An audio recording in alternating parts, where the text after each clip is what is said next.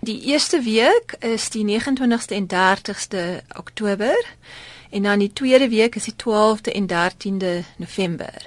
So dis 'n week, dan is 'n week af en dan die volgende week weer. Nou kom ons begin by die eerste konsert. Dis in die week van die 29ste en die 30ste Oktober. Hoe lyk die program? Ons begin met die Greek Holberg Suite. Dis 'n werk wat net vir strykers geskryf is. Greek het dit geskryf ter viering van die 200ste verjaarsdag van Ludwig Holberg. Hy was 'n filosoof en 'n skrywer wat in Bergen gebore is, waar Greek self ook gebore is. Holberg het hom later in Kopenhagen gevestig, maar vir Bergen was hy nog steeds een van hulle. Ook interessant is dat jy van Chopin se gunstelingwerke op die program het. Ja, ons speel al twee sy klavierkonserte, klavierkonsert nommer 1 en nommer 2. Ek moet dit noem, eintlik is nommer 1 tweede geskryf. Dis reg. Hy is maar net eerste gepubliseer. En wie wie is die solis vir die aand? Die solis is Andrei Pizarev, hy is 'n Rus. Is baie bekend. Hy is nou, is nou besig om in uh, Moskou dosent te wees, maar hy is oral in die wêreld. 1992 uh, was hy wenner hierso by die Unisa klavierkompetisie. So van ons gehoor lede sal al dalk al ken. Mm -hmm. Jy het 'n gunsteling dirigent wat die aand optree. Ja, Robert Maxim wat hier so ingating bly. Hy is ook one of us so. en ehm um, ja, hy dirigeer die konsert. Dan die volgende week se konserte, dis nou die 12de en die 13de November. Baie interessante konsert wat dan die aand aangebied word. Die program blyk baie besig. Hierdie konsert vloei uit ons toer na Azerbaijan in Julie en Augustus die Azerbaijanse ambassade borg die konsert. Dis eintlik ter viering van die 20 jaar van demokrasie in Suid-Afrika, sowel as die 90 jaar van Nakhchivan, dis 'n deel van Azerbaijan se bestaan as 'n autonome deel van Azerbaijan. So dis 'n ter viering van daai twee datums. Dit is ook 'n goeie geleentheid vir ons om saam met een van die dirigente waar met, met wie ons gewerk het by die toer, op die toer dat hy hierso optree. En wie ja, is hy? Ek gaan nou probeer om sy naam reg uit te spreek. Yalchin Adegozalov.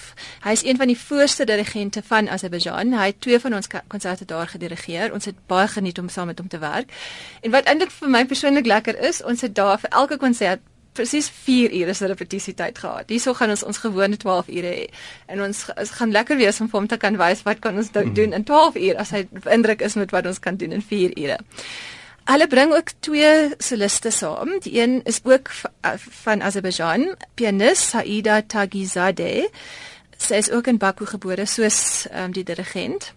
En dan die cellist Alexei Miltik is in die Oekraïne gebore. Maar hulle is al albei ook hoog aangesiene musikante in Azerbaijan. Ja, soos ek sê, ses werke. Ons speel twee van Amirov se komposisies. Die een is 'n Azerbaijan Capriccio, en die ander is wat hy saam met Nazirova geskryf het, 'n klavierkonsert op Arabiese temas. Daai klavierkonsert het ons opgevoer in um, Azerbaijan. Ag, is wonderlike werke. Dit ehm um, gebruik volkstemas, volksmusiek. Dit is baie opwindend. Dit daar's 'n groot orkes. Ons het 'n perkussie seksie van 5 spelers. so, mm, dis lekker slag. Ja, dis ja, dis ja, presies. Daar's baie wat gebeur. Ek dink ons is as ek reg onthou 65 musikante op die voorg. So dis nogal dit gaan beïndrukkend wees. Dan speel ons ook Tchaikovsky se variasies op 'n Rokoko tema. Ek dink dit is 'n alom welbekende hmm. stuk. Haji Beyov se werk Caravan is ook op die program. Hy is in 1885 gebore en word beskou as een van die grondleggers van klassieke musiek in Azerbaijan. Dan die tweede helfte is daar 'n wêreldpremie wat ons gaan opvoer van Elsa Ibrahimova. Die stuk se naam is Confessions for Cello, Piano and Strings. Sy is 2012 oorlede, so sy is baie onlangs oorlede en dit is nogal wonderlik vir ons dat ons die geleentheid het om 'n Azerbaijanse stuk vir die eerste keer op te voer. Afsluiting van die konsert is die Adagio en Vals van die Seven Beauties Ballet deur Garayev. Ek het bietjie gaan kyk op YouTube. Daar is 'n paar YouTube klips waar hulle die dansers wys. Dit is baie mooi.